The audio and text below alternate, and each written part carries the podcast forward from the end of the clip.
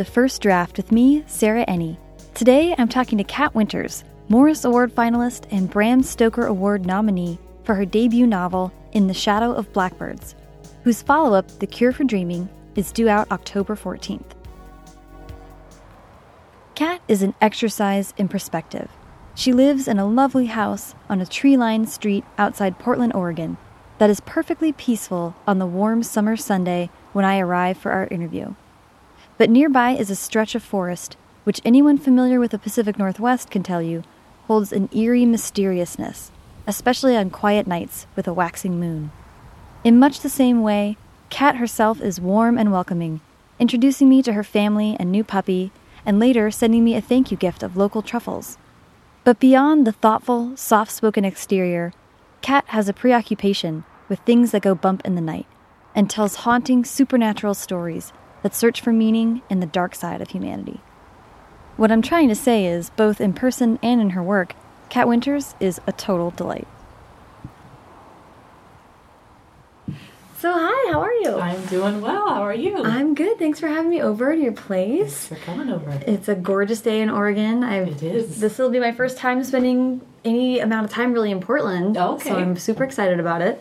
Um, and it's gorgeous. Yep, so we're here on the non-rainy season, so Yeah, yeah, it's, it's a good good. time to see Portland. It's I'm super excited.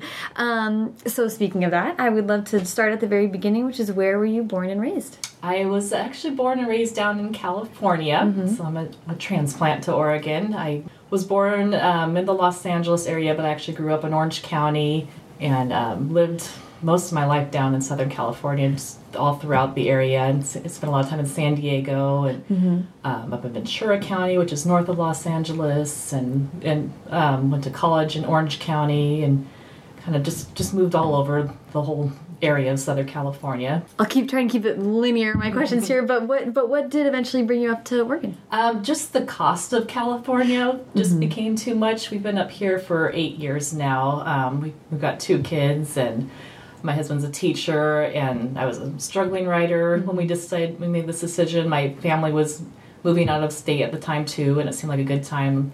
The kids were really young at that point. It seemed like a mm-hmm. good time if we were going to make a change.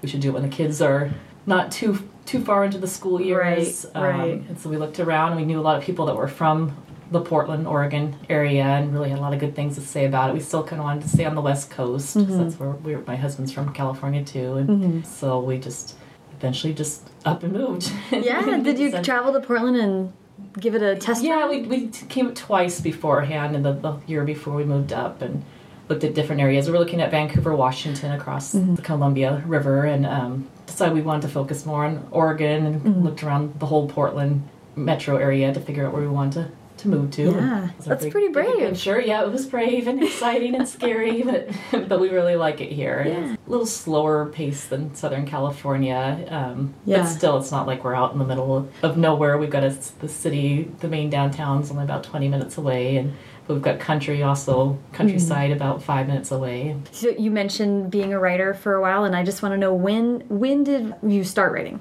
Um, I've been writing since I was a little kid. It's just something that I've always done. I had some teachers that really encouraged my writing. My second grade teacher really made me feel like my writing was special. That's kind of I was always making up stories in my head and, and writing my little stories down. But we we had weekly writing projects in my second grade classroom where our teacher had us write a creative story every week, and she started showing my work around to other teachers and.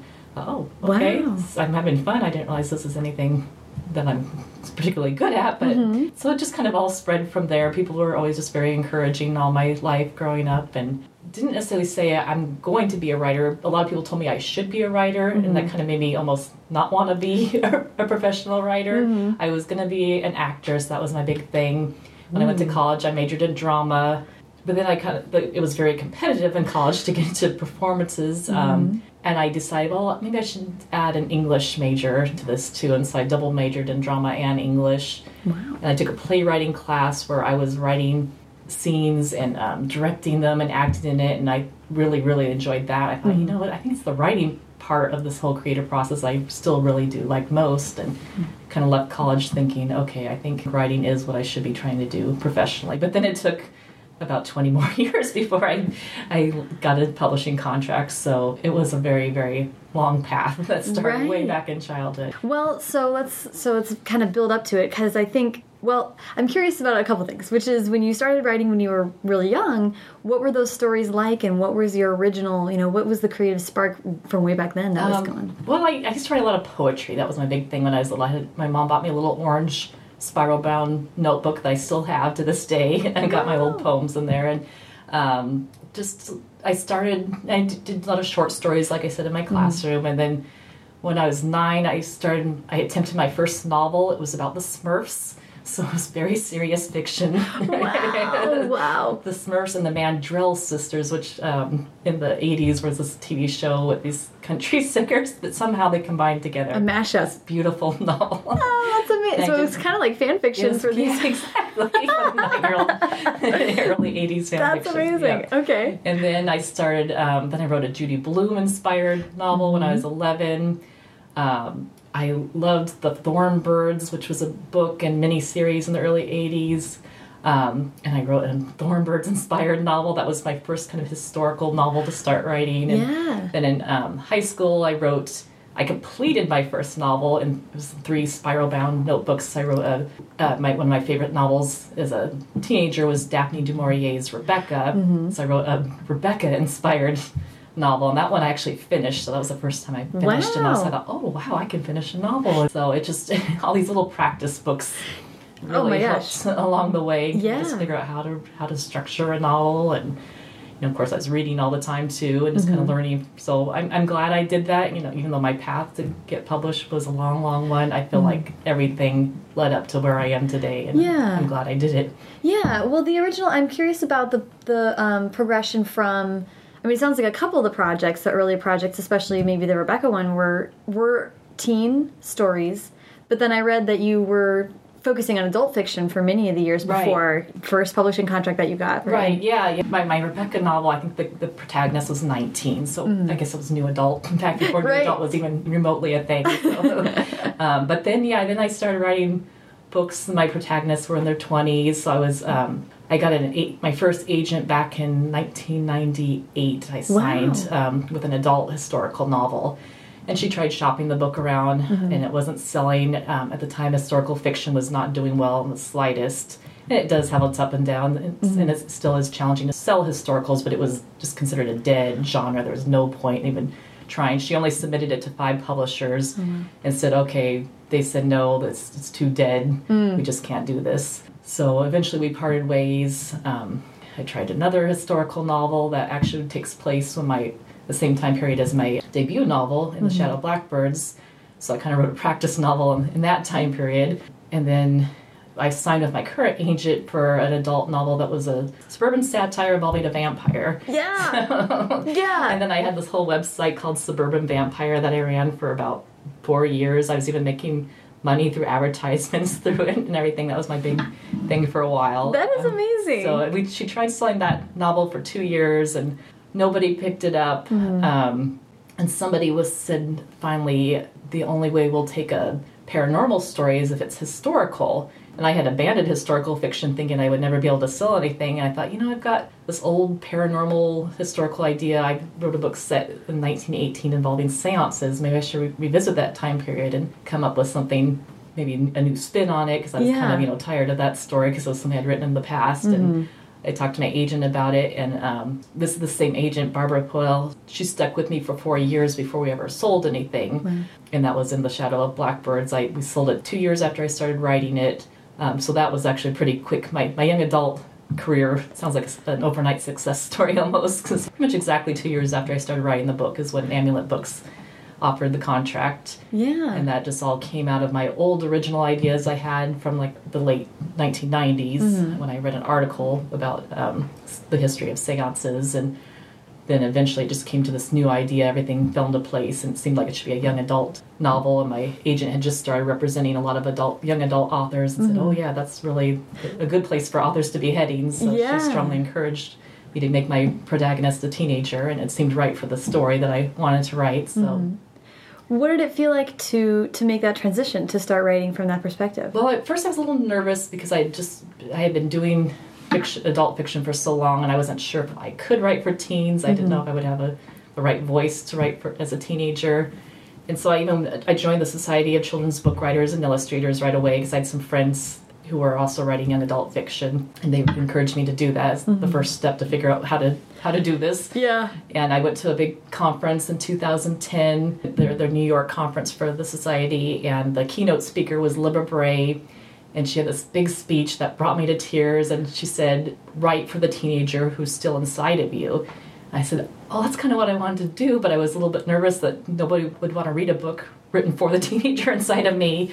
So I thought, okay, I, that's what my gut instinct's telling me to do. I'll just write a book that I would have loved to have read when I was a teenager. That's so great. And so that kind of like freed me from because I was reading a lot of young adult novels that were coming out and they didn't seem quite like the type of book that I would write. And I was Mm-hmm. worried that I couldn't follow the rules of young adult fiction. At the time, love Yeah. Mm-hmm. triangles were huge, and you know there just seemed to be certain types of books that were coming out, and I wasn't sure. And I don't tend to necessarily, especially within the Shadow of Blackbirds, my main character's not with a whole lot of other teenagers. Right. thought, oh, is this, this going to be a problem? She's not in school. Right. Schools are closed in the book, so right, right, right. um, so I wasn't quite sure if I could do it, but yeah. but luckily it it seemed to work out in the end, and Yeah. I'm getting teenage readers telling me they enjoy it. So I think, okay, I did it.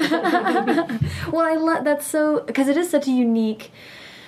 The elements around it are not necessarily unique. Of I mean, historical. Ha there is some precedent for YA historical, and then of course paranormal is is something that happens in YA a lot. But the way that you've combined it is very unique, and it's very stands out. I think. Thanks. But at the same time, gothic romances and that kind of dark.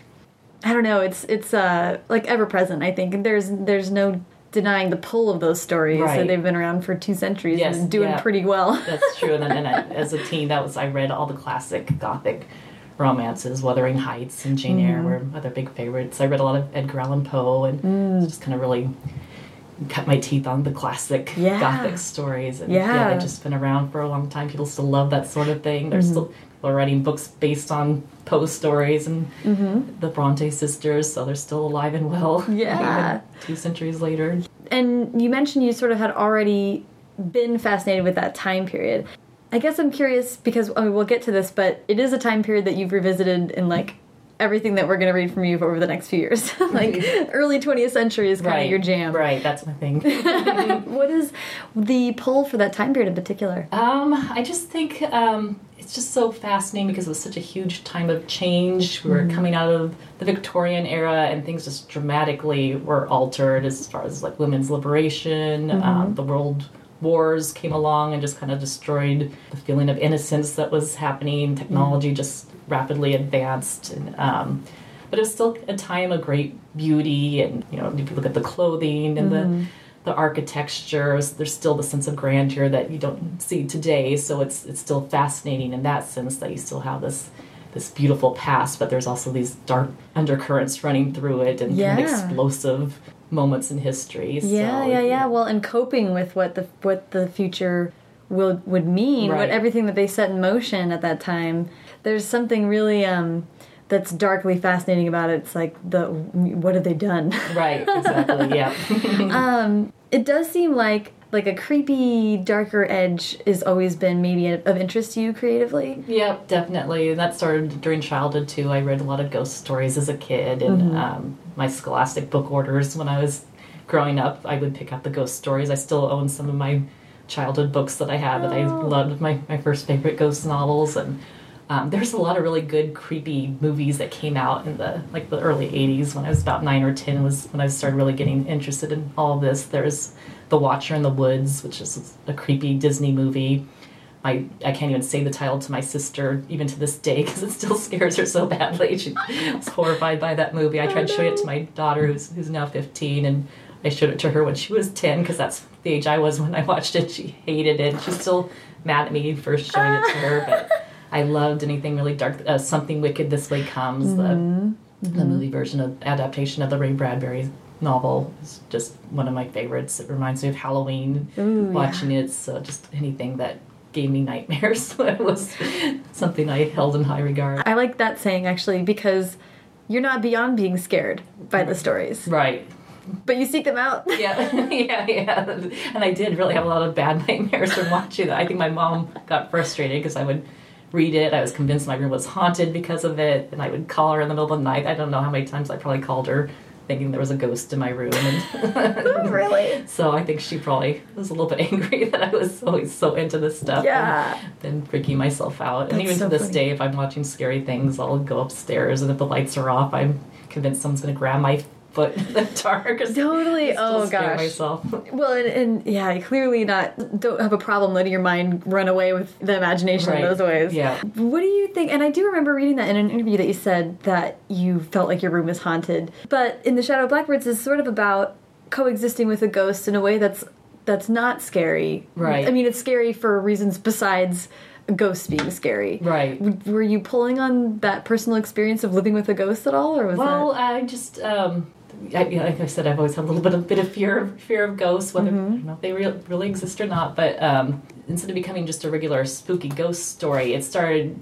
The more I wrote, the more I realized that it's more the time period Mm-hmm. that is horrifying. That the ghostly aspects were actually not the most horrifying part of the novel. It just kind of came out naturally that this would be a different type of ghost story, not just a, a scary. Oh my gosh, where is this ghost? Um, you know, Right. that's that's not the most terrifying thing in the book. And I, a lot of things I did read as a child too. Some of the ghost stories, it was about helping ghosts. Um, Yeah. one of my first favorite ghost stories was the, the Ghost Next Door by Wylly Folks St. John, and it was about helping a troubled spirit. So this, I think, probably you could trace in the Shadow of Blackbirds to, to reading that very first ghost story about helping. There's a mystery involved and Yeah. the ghost to rest. So That's true, and I hadn't thought about that. But yeah, um, seances and things like that are Right. about addressing undone deeds Right, or yeah, things yeah. that are, that remain to be put to rest. right, So by the time that you you decided to combine these kind of elements, historical, paranormal, and, and go for YA with it,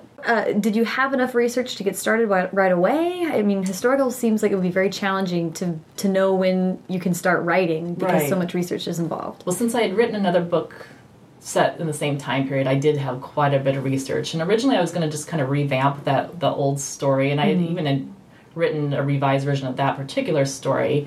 I talked to my agent about that, and that wasn't quite working for her, and she was really encouraging to go in a completely new direction. That's about the time I started really studying spirit photography, which I hadn't ever really studied much of before, and that became a huge part of in the Shadow of Blackbirds, and I, that kind of is where everything took off. How did you how did you learn about the spirit photography? um, I had learned about the, the fairy, the Cottingley fairy photographs, which I mentioned in the author's note, and um, I think there was one tiny mention of them in, in the Shadow of Blackbirds, but it's kind of really what sparked my whole interest in the, the seance history too. Um, Yeah. the Cottingley fairies were girls in England in the World War One time period who convinced people that they were pho- photographing fairies in their backyard.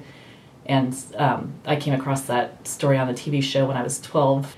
Um, so that was an idea that was planted from way back then, and I thought it was so fascinating. And they said that the reason people believed in the photographs was because the World War One time period was so horrifying, and that just I remember just kind of thinking way back then, why was it so bad that grown-ups were believing in fairies being photographed? Yeah, So- it, they're pretty far gone to right, be right. taking solace so that in was this. a pretty bad. So that was just something an, an idea that that was in my head. It was Mm-hmm. still in there.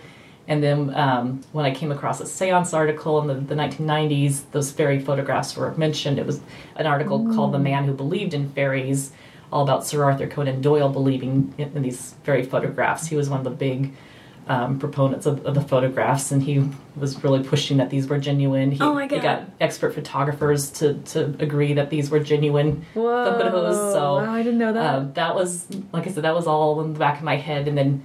But I didn't really um, read much about spirit photography. I think I just kind of came across that on some websites when I was researching seances. I think there's there's one ghostly website, like- like a ghost history website. I, I can't remember what it's called off the top of my head, but um, they had a whole feature on it, and it kind of like tied in with the oh, it's just like the fairy photographs, and mm-hmm. I started envisioning a scene where a character recognizes a face in a photograph, a face of a person she doesn't know is dead. And so that was something in my head. And then when my agent said just to maybe think of a young adult novel set in this time period, everything just sort of all of a sudden tumbled into place, and the plot for In the Shadow of Blackbirds just kind of popped in there all of a sudden, just based on all this years of research and it was like everything came together all of a sudden and Yeah. a book fell into place. Yeah, oh, that's so cool. A couple questions about the, the photos themselves. I can imagine it was pretty challenging to find photos that wouldn't bankrupt you in wanting to actually include them in a book. Well, Right. first of all, how did how did you how did it come about that you decided you wanted to try to include photos at all? Well, I was trying to, th- since I had struggled to get historical fiction published for so, so long, I was trying to think of some way to um, make the book stand out a little bit more. And then I was thinking, you know, this book is all about photographs. Maybe I should actually include photographs. And originally I was going to just do spirit photographs since that mm. was such a big part of the plot. I thought, oh, that'd be interesting to just get all these historical spirit photographs and I contacted a man who runs a museum that owns the rights to, to a lot of the Oh, wow. the spirit photography, and it was pretty expensive to, to license. I discovered there's also a museum in England that I contacted. The same was true with them as well. So I thought, oh, this is going to be very expensive. So I decided to just use. I think I put three spirit photographs in the novel, and the rest were. Um, I decided to start using images from the Spanish influenza and from World War One, since that was those were both large aspects of the plot. And there's so many fascinating photographs from those those two aspects of 1918. I had an early reader even think that I made up the Spanish influenza, so I thought, you know, I almost feel like putting information about that in there just to prove that this is a real This is real. pandemic, that it's not something out of the top of my head. Oh my So- gosh, that you made it up. Oh boy. so I thought, yeah, let's just, just show people what was going on, and the, the photographs from all, all three elements are are so creepy. Some some people say that the the war, the war and the, the flu photos are far creepier than the spirit photograph. totally. And those are public domain. And those are public ones? domain. Yeah, that, the National Library of Medicine. I had a contact there who was helping me. I verified, you know, these are all public domain. They said, oh, sure, you can do whatever you want with those. And Library of Congress had quite a few too that were in public domain. So Cool, cool. that's become public in the public domain is one of my favorite phrases nowadays because I'm continuing to use photographs in my young adult fiction. And Yeah. So you have the photos. I'm cu so curious about you, the choice of when to use them in a book. How, what was your thought process about when they would be most appropriate? when I talked to my agent about the idea of using the photographs, she really liked it, and I said, "Well, how should I do it? Should I just like include a bunch at the end of the book and say like the movie version of a book, they're all in the middle, or Yeah, like yeah, exactly. Yeah, exactly. So that she's, I said, or should I put them where I think they should go in the book? And she said, mm-hmm. oh, yeah, put them where you think they should go. So the, the whole book was written by that point. It was Oh, okay. revised. It was ready to be submitted.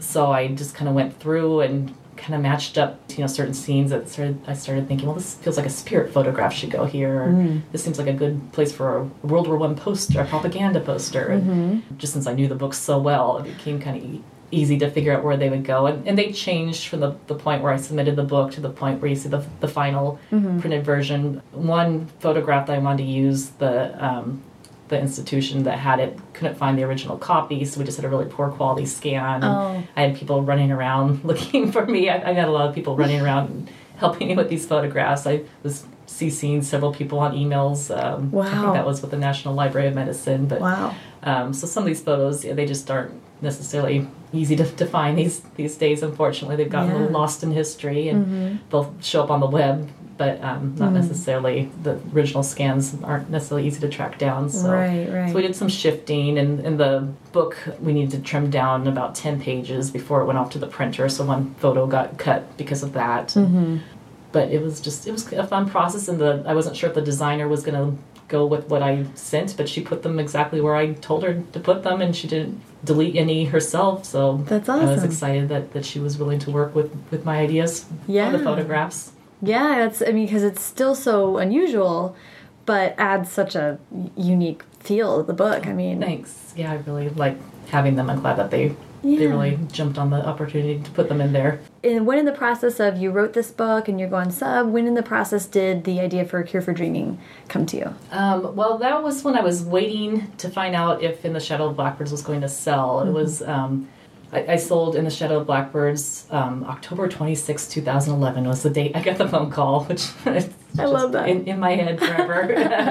but um, so it was Halloween season. I um, there's an artist who I met through my suburban vampire blog named Kristen Lawrence. Who I used to have these Music Mondays features where I'd feature different vampire themed music every Monday. So I actually met quite a few musicians that way because a lot of indie musicians contacted me and asked if they could feature their work on my site. Oh my gosh, and I that's got so a lot cool. of free CDs and things like that. So I had featured um, Kristen Lawrence. She's at HalloweenCarols.com, and um, I, every Halloween I pull out her CDs, and my kids love them. We, Mm-hmm. We've been listening to them since they're really little. And there's one song called "Dark Glass" of hers that is just very dreamlike and eerie, but just very beautiful, Mm-hmm. and always reminds me of somebody floating. And I think it actually describes somebody floating. And I was listening to that, and it kind of got me in the mood to write something based on what I was imagining when I was hearing that song. And Yeah. I thought, oh, I kind of feel like writing something Victorian because my very first novel that went out on submission with my first agent was a Victorian novel um, that was set in 1897. So I thought, oh, I kind of feel like going back to that time period a little earlier than World War One. And I, at the time, Night Circus by Erin Morgenstern had just come out, and that was a huge hit. And that was Victorian magicians. So I thought, I don't really feel like I should do Victorian magicians because that's huge right now, and I don't want to seem like I'm copying that. Yeah. Um, so then I started thinking about hypnotism. And so I researched Victorian hypnotists, and um, especially like turn of the century. And um, one of the first photographs I saw was a, a woman lying across two chairs, hypnotized, and it was a, a feat that they call the human plank, where they would make somebody go rigid, and they still do this to this day. Um, and lie them across two chairs, and a lot of times people would stand on top of them to show how rigid they became. That photograph that really there's quite a few actually Victorian photographs that show this, but there's one in particular of a woman whose skirts are all tied up. She's kind of looking like she's bound and laid out, and her she's got this hypnotized look on her face. That ended up being a photo that I felt should go at the very beginning of the book because it inspired the opening scene. My main character gets hypnotized and laid across two chairs like that. So Yeah. I threw that in. I, I sold The Cure for Dreaming based on um, a proposal and synopsis, so the whole book wasn't written. So I threw that photograph in. I knew, knew that Amulet Books really liked the photos in, in the Shadow of Blackbirds. So I thought, well, let's see if they want to go for that again. And since this photograph inspired the scene, let's go ahead and put that photograph in. Yeah. And that's the photo that ended up being on the, the cover of the book. They liked it so much. So the, the final cover um, of the book will, will wrap around, so you'll see her feet resting on chairs on the back of the That's the so book. cool. so and, and the the actual photograph is in the right before the first chapter. She put on both sides of the page. So this is this big beautiful photograph that's laid out. Ooh, that's awesome. We've got a little quote from Dracula that's above it because Dracula plays a role in the novel. So Yeah, before we talk too much more about it, just if you don't mind just giving a little the little pitch for for what it's about. yeah, it, this one's about um, a girl named Olivia Mead. The book starts on her 17th birthday, where she goes to a hypnotism show. She's a budding suffragist. I said the book specifically in Oregon in 1900 because the second referendum that would have allowed women to be given the right to vote was just voted down that summer before. So I figured this would be a time when women are probably very frustrated because this is the second time they tried to get the vote in Oregon. The second time the men said, nope, you're not getting the vote. Yeah, nice So- try. No. Yep. So the scene opens where um, Olivia um, is just kind of starting to look into the suffrage movement. She's um, becoming interest, interested in it. And her father is quite concerned that she's starting to go down the wrong path in life because she's also saying she wants to go to college, maybe work for a living. Her mother um, abandoned them when, when Olivia was four to go off for her own theater career because she had Olivia quite young and decided to go back to her, her true love of, of acting. And um, her father's terrified that Olivia is going to follow in her mother's wayward footsteps or become like the, all the modern frightening women that he reads about in the newspapers. So he hires the hypnotist, it's a young hypnotist, just barely 18 years old, to uh, cure Olivia of her rebellious thoughts. He um, pays him to hypnotize her and remove these desires to vote and go to college. And, But the hypnotism doesn't quite go as planned. Henry tells Olivia that she will see the world the way it truly is. Her father wants her told him to uh, to accept the world the, the way that it truly is. But um, Olivia starts seeing it the way that it truly is and seeing people for who they truly are and who to trust and who to avoid and things kind of go out of hand from there. Yeah. oh my gosh. Um, which sounds amazing. That makes sense. It's before World War One, so it really is a different time. yeah. Though it's it's similar because I was going to ask whether it was sort of a sister story, but it's not really. That that's No, no, yeah, these are unrelated. They do have a setting in common of Portland. Um, in the Shadow of Blackbird starts in Portland, and Mary Shelley then goes to um, San Diego. In, the Cure for Dreaming takes place entire, entirely in Portland. And I even threw one location that uh, was mentioned in, in the Shadow Blackbirds into the Cure for Dreaming just to see readers would recognize Yeah. that I did that. But little Easter egg. exactly. so, so see if anyone notices that. But yeah. um, so that's about the only. There's no characters in comma between the two. It seems like you are not interested in telling modern stories. Not at the moment. Like I said, I wrote that contemporary suburban vampire tale. That's So that's the only full length book I. Well, there was one in college too that I wrote, but um, generally I te- tend to to be drawn to the historical and everything that I've sold so far and that's coming out between now and the future is all historical fiction. With the Cure for Dreaming, with deciding to, to follow up on uh, on Blackbirds, was it clear that you would want to keep doing YA? I, I really felt at home with YA, and I that seemed like something I just I in fact I even pushed the idea of adult fiction just completely aside. Um, I thought this is what I meant to do. Forget adult fiction. If they didn't want me, then I'm not going to go to them Yeah, yeah, anymore. Um, and so the uninvited came about because um, an editor with HarperCollins happened to be visiting Portland, um, and she went to the Powell's Books at the Portland airport and saw a copy of In the Shadow of Blackbirds and bought it and read it on the airplane ride back to New York. And when she arrived in New York, she called my agent up and said, Would this author be interested in writing an adult novel set in the same time period as In the Shadow of Blackbirds? Interesting. So then my agent contacted me about that, and I was just totally thrown off by this whole proposal. I thought, Right. what? What, what is this? And I, at the time, I'd already started writing a third young adult novel, and my focus was so much on that. I was all excited about the plot. Mm-hmm. And at first, I almost turned the offer down just because I was so excited about this this new YA. And she also had wanted me to write uh, specifically about the Spanish influenza again. I wasn't sure if I wanted to visit the Spanish influenza again because it's, a- it's a hard topic to write about. Right.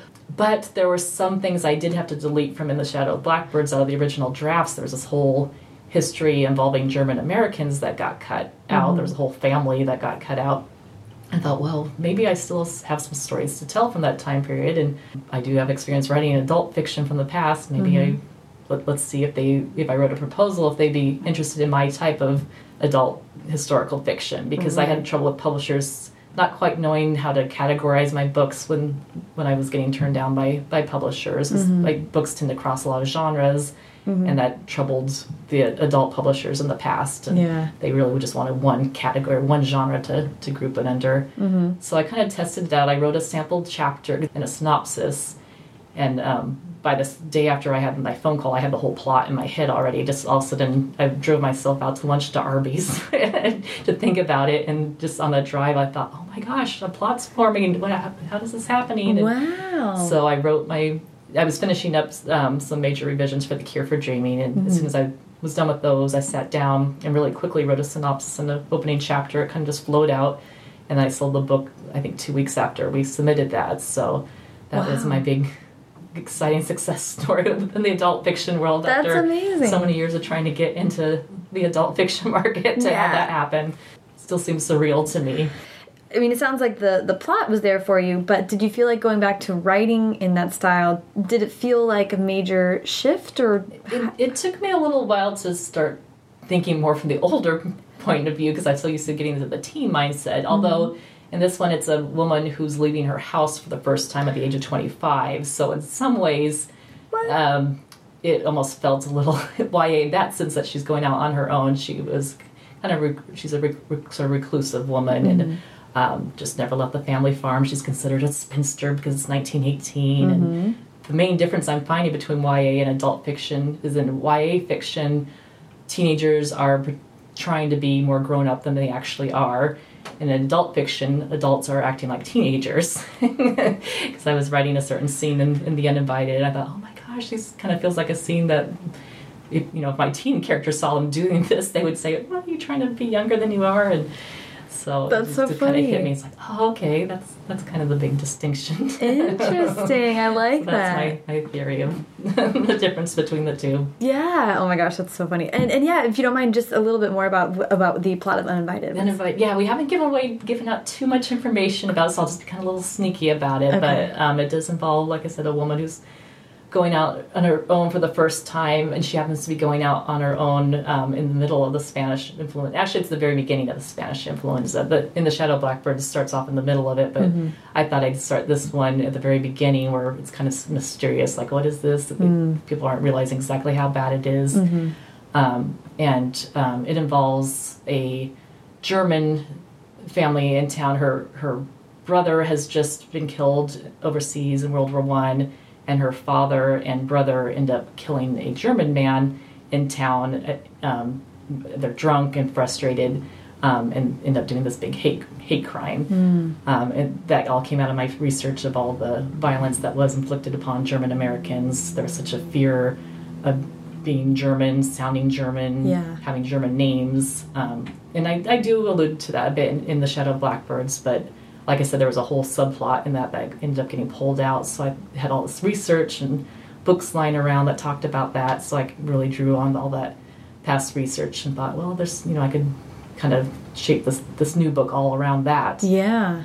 And there's a paranormal element to that one as well. I won't go too much into that, but my main character sees ghosts, so Ooh, I love of- it. And and where is that one set? Uninvited. Uh, that one takes place in Illinois in, in the year 1918, and I said it there because there was a major case involving a German American who got lynched in Illinois in April of 1918. So that's a whole big part of the plot is this town is not wanting to look like the town of Collinsville, Illinois, that was um, became famous for this occurring in their town, and uh, there's a whole push to not seem like they're like that because it was a big mob violence with a real life lynching. Right. So, um, and there there were others that did occur, but it's just a part of history you don't hear too much about. Um, there there were even some camps that German Americans were put into at the time, some government camps. Wow. They um, they didn't sound as awful as even maybe the, the Japanese internment camps, and certainly nothing like the German concentration camps. But still, people were being taken away from their homes and Right. putting in these um, these military prison like situations. Wow. No, I, that I did not know. Yeah, so it's been it was really interesting finding all this information about what we did out of fear of the Germans taking over the country. Yeah, I'm curious about about you, where you've chosen to set these things because clearly San Diego. I think you lived there after college. Is that? Yep, yep. I lived at the first about um, about nine years after college. Okay And San Diego is where most of where of where Blackbirds takes place, and then Cure for Dreaming is Oregon, and then Illinois.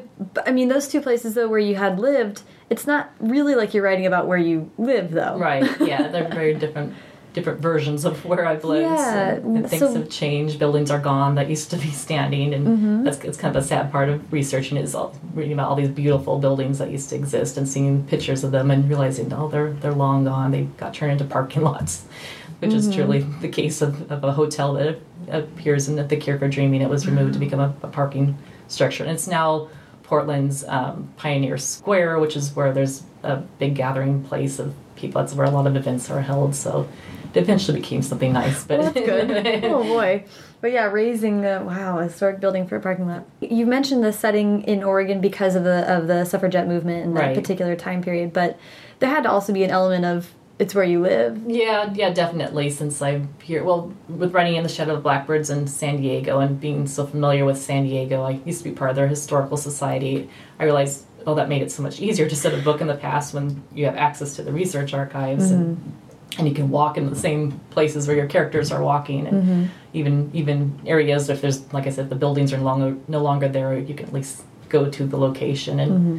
Um, kind of get the feel for the land and So so and then having the experience of being able to draw on your familiarity for those two places, then what was it like saying, Okay, let's go to Illinois? Had you spent any time out there? I, I've been there. My mom was born there. I visited there in the past. I, I certainly probably would have benefited more from actually flying there and walking around quite a bit more. But this book is being written on a tighter deadline, so I'm just drawing all on my, my past memories of it. Um, my mom lived in some small towns in Illinois. I still have some great aunt, aunts and uncles back there, and we visited these small towns. So I just drew on all my memories of how flat the land was. It's such a big difference from living here in a hilly Oregon and Yeah. even Southern California, and just I, I set it in a fictional town in Illinois. It's kind of based on a few of the towns back there, but I would research um, photographs of the towns that I was basing it on just to see what the buildings were like, what they're made out of. But um, then I have a short story that I can't say too much about, but um, that one's going to take place in France, which I've never even been to, so that took a lot of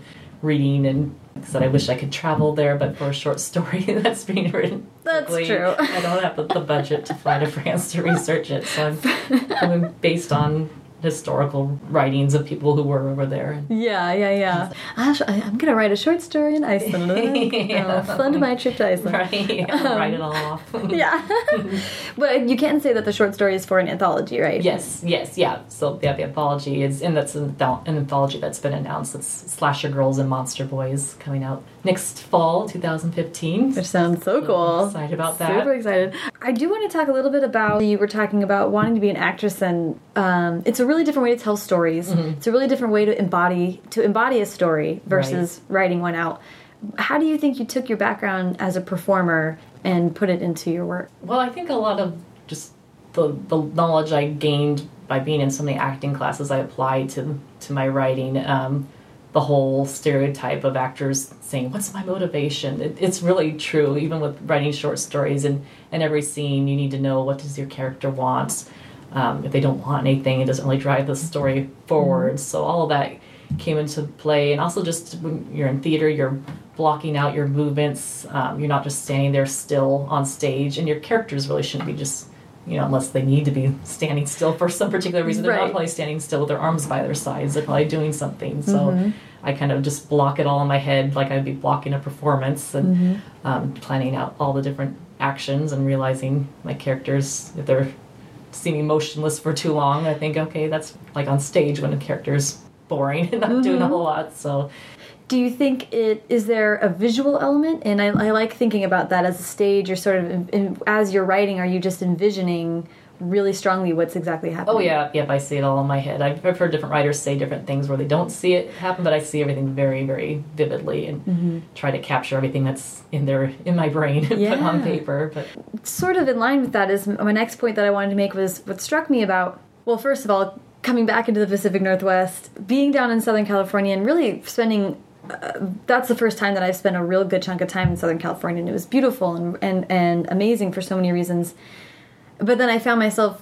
just really itchy to get up here with tall trees and and some fog and some Right. some of this and and it's so embodied the the paranormal element the gothic romance element it did it did always strike me that the Pacific Northwest is, you know, un not unlike the Moors of England or whatever Right. the, the Bronte sisters are writing about.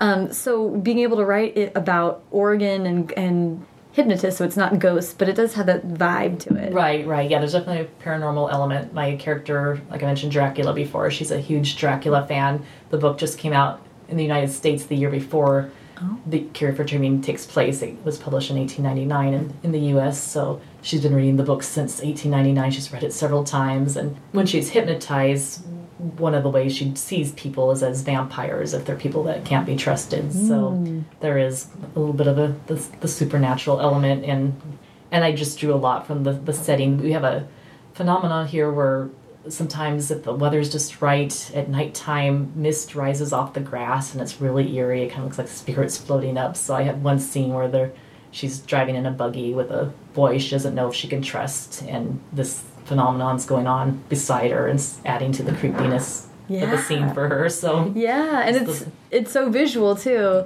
right I don't know. There is like uh, if you can capture it, it's you know it's always tricky to try and capture the vibe of a place, and there's so many different elements that play into that. But Right. it just strikes me that the Pacific Northwest is a really uh, um, atmospheric place to set something like that. definitely yeah yeah especially you know, nighttime the rain and Mm-hmm. the trees, the dark trees. Um, My work in progress uh, takes place a lot in the woods, so I'm really involving the, the woods. I'm hiking a lot around here just for inspiration and Yeah. thinking, oh, yeah, the moss on the, the trees. That's so cool. The okay, so I do want to talk about the vampire blog, not only because it just sounds amazing, but also because I think that's I'm curious about what you feel like maybe you learned. That was a huge community building thing, Right. sort of building a community in an effort to like the book and the blog were one and the same a little bit. Right. What did you what do you feel like you learned from running a successful blog like that about writing and, and Um, well, it, it taught me a lot about gaining followers, which is such an important thing with being an author these days, is expanding your social network and just you know, the benefit of helping others and, and you know, kind of the, the mutual relationships you can develop with other people. Like I said, with the musicians and Yeah. now um, for my book trailers, I'm I'm asking these musicians I've met for permission to use their music in my book trailer. Kristen Lawrence, who I was talking about, I'm playing her music in my my book trailer and. Um, and you get to tell her that she inspired Right, exactly. book. I mean, Yep. that's amazing. Yep. So that's that's fun to do. And then Yeah. um, my In the Shadow of Blackbirds book trailer. There's a music, musician named Jill Tracy who I whose work I also played on my Music Mondays, and so her her works in that trailer. So just establishing those relationships Mm-hmm. and just even writing little short bursts at a time is really helpful skill for practicing writing and making sure you're putting something out there that's legible and makes sense and not confusing and Mm-hmm. entertaining. You want to get people to come. I um, started getting a lot of hits because I compiled a list of upcoming vampire films, and and also I expanded that to include TV series and web series. I had a lot of web series creators coming to me and asking me to put their films on the my list and to interview them, and so Yeah, that was that's cool. A fun way to make some contacts. That's really neat, especially because because of building a community with people that are not necessarily writers, but other creative people. yeah, exactly. What, what do you think building a community and, and you know now there's the YA community how do you think that reaching out and, and interacting with the creative community has changed or altered your creative process just more than anything, but just really encouraging and supportive of, of the, the process. It's just nice to see other people going through the same things, same struggles, same same success successes, and um, I don't know if it's really changed the way that I write or anything, but it's just it's just nice having it there. And in fact, um, once a week, I typically meet up with some other local YA authors, and we just sit around in a coffee house and chat and write together. And it's just a nice way to get out of the house and see other people and Mm-hmm. Other people who understand what like you- yeah, yeah. exactly um, that's just been a nice thing about having the, the supportive community around me it's been interesting since moving into the adult fiction world i haven't really met too many other adult novelists um, and the ya community is so close so i'm almost kind of thinking where's my adult people why aren't they running to me to Mm-hmm. Yeah. embrace me and Yeah. so when i first sold my ya novel i had you know people already knew and then people who were with the same publisher wrote Mm-hmm. immediately and said oh hey welcome to the family and wow um, I haven't seen that as much with the adult world, so it's interesting to see. It makes me realize how close knit YA is. Mm-hmm. yeah Just- a special group i think it is. Yeah. But, uh, I do want to, but speaking of community and support and all that stuff, I do want to just hear about your Morris Honor experience. Oh. What was that like? That was that was surreal, very very emotional and amazing, and still seems like it's something I dreamed. But um, yeah, I, I got the email one day. Just I had just picked up my son from school and got this, or I think I was on the way out the door and got the message from my publicist at the publish my publishing company, and um, what the, what's this? When um, and immediately I had to fix a clogged toilet afterwards. So it- yeah, the glamour. yeah, it's like oh, okay, never mind. the big, big glamorous lifestyle the author is crushed. So, Oh, man. so that's kind of the epitome of my life. Is That's so I think funny. Mm-hmm. most writers too, especially working out of your own home. But, um, but yeah, then they they flew us all to the American Library Association Association's conference um, last January, Mm-hmm. January 2014. Um, and we got to go to a dinner uh, with the whole committee, the Morris Award committee, and all five of us nominees were there, and which was nice. I made sure I read everyone's books before I went. It Smart. it was um, Christmas break was shortly before um, that was happening. I happened to be between revisions at the moment, so I just sat down and read everyone's books, and so that was fun getting to meet all of them. them Yeah. and yeah, then they, we got to go to the big awards announcements, which included the Newbery and Caldecott and all the big award, the Printz. So that was exciting to be a part of that and just feel the energy in the room of all the, all the librarians cheering on. Like when the Printz awards were coming up, there was a whole big hush over the audience, gasps and excitement. So I love it it. was fun to see. And then we got to go and there's a special Mo- Morris Award presentation where we each got to get up and speak, and um, that was fun. And sign book after books afterwards, so they they treated us all quite well. So that was fun. It's so Amazing. it's. I mean, for you've been writing your whole life, then this to be your debut experience, and then to get to be recognized in that way. I can only imagine how amazing that It was. was it was wonderful. It made me feel like I was on the right path all along because I did doubt myself here and there and thinking, why am I doing this? Why am I spending so much of my life? I was giving up time with my kids to write, and but what am I doing? But um, then once I sold this, and then then yeah, having that, that was just like, oh, okay, this is this is what I should be doing. People get it. Yeah. That's so great. So, so it's, it is putting pressure on my second novel, admittedly. Cause, Yeah. Um, yeah, because, well, at least that particular award i can't win against. The de- debut novel award. That's the good thing. That's so true. it's not like if you won, you know, The Printz the first time out and then you think, oh, why am I never going to win that again? And Yeah. so, um, but Yeah. yeah. but there is definitely some, some pressure with having a book that's received well your first time out. Mm-hmm. so we'll see how, how the second one goes. But And you, I mean, by the time you were going to the ceremony and knew- aware that all of that was happening, you had already been writing Cure for Dreaming, Yeah, right? I was on the, the line editing stage. So Okay. was the second big stage of far. revisions with my editor, and she was there. And I even remember telling her there, you know, I'm feeling the pressure for this book, so you know, it made me work even harder with my my edits. But Yeah. Still, it's you know one of those things. You know, what what can you do? Some people Yeah. are going to like it, some aren't. Some mm-hmm. people who didn't like In the Shadow of Blackbirds might like this new one better, and mm-hmm. the opposite might be the case. You know, mm-hmm. just try not to look for people saying, "Oh, what a disappointment," or "Not as good as the first book." And yeah. so just try to block all that out. now I'm working on, like I said, the adult novel. I have a third YA in the works right now, so now all my attention's on on that. At least it's, it's keeping me busy and not Yeah. having to worry so much.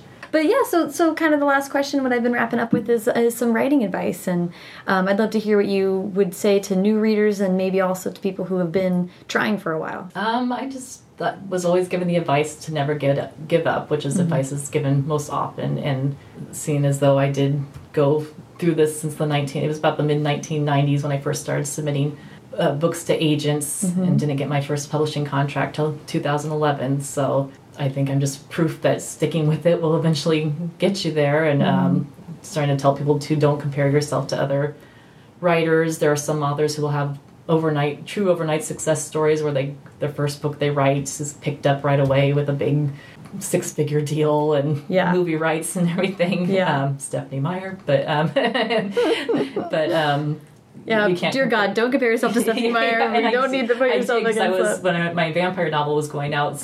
Twilight was first getting big, and I remember reading her Oh. biography, and I went, "What? What is this? What Oh, is this no. woman?" So, yeah, so I did. I have compared myself to Stephenie Meyer, Oh, but no. yeah, don't do that. But there's, you know, it's just ev- your journey is your own journey, and write the best books that you can possibly Yeah. write. And I think that's just the writing stage itself is so important. No matter what you do to market your books afterwards, it's all up to what you're doing in the writing stage. That'll get your book um, noticed and help the word of mouth.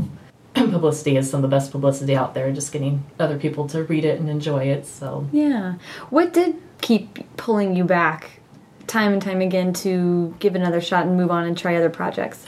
Just little successes along the way. I entered a lot of contests. Um, in fact, I won some a contest with the Hollywood Film Festival back in 2000, and I got to go to a big Hollywood awards ceremony that had like John Travolta and Morgan Freeman there and stuff. So that was my. I had my husband with me there, and we were taking pictures from the red carpet, and so just a little weird, these little Yeah. surreal moments in, in Oh, life. so neat. Just signing with the various agents, and even if they mm-hmm. weren't selling my books, that was just a step that made me feel I was going in the right direction. That mm-hmm. maybe that wasn't the book to be sold at the time, and like my agent told me, I think when I met her in person for the first time was at that conference in 2010, and she said, you know.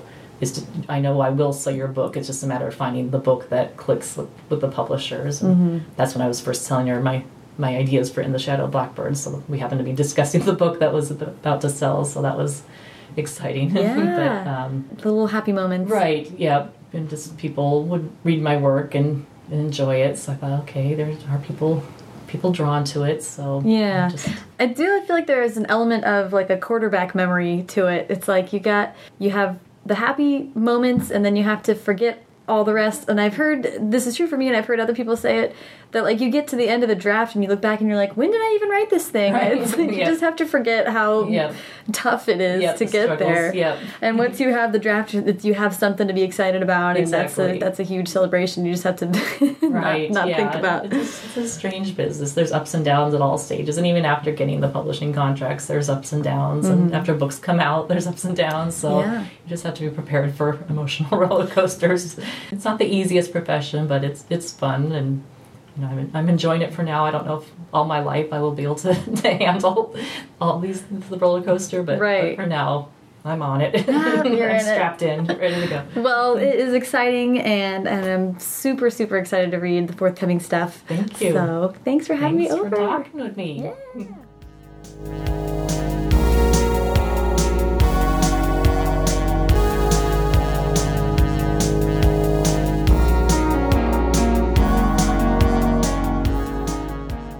so much to Cat. Follow her on Twitter at Cat Winters and follow the show at First Draft Pod and me at Sarah Enni. Check out www.firstdraftpod.com for other interviews and to see how you can support the show.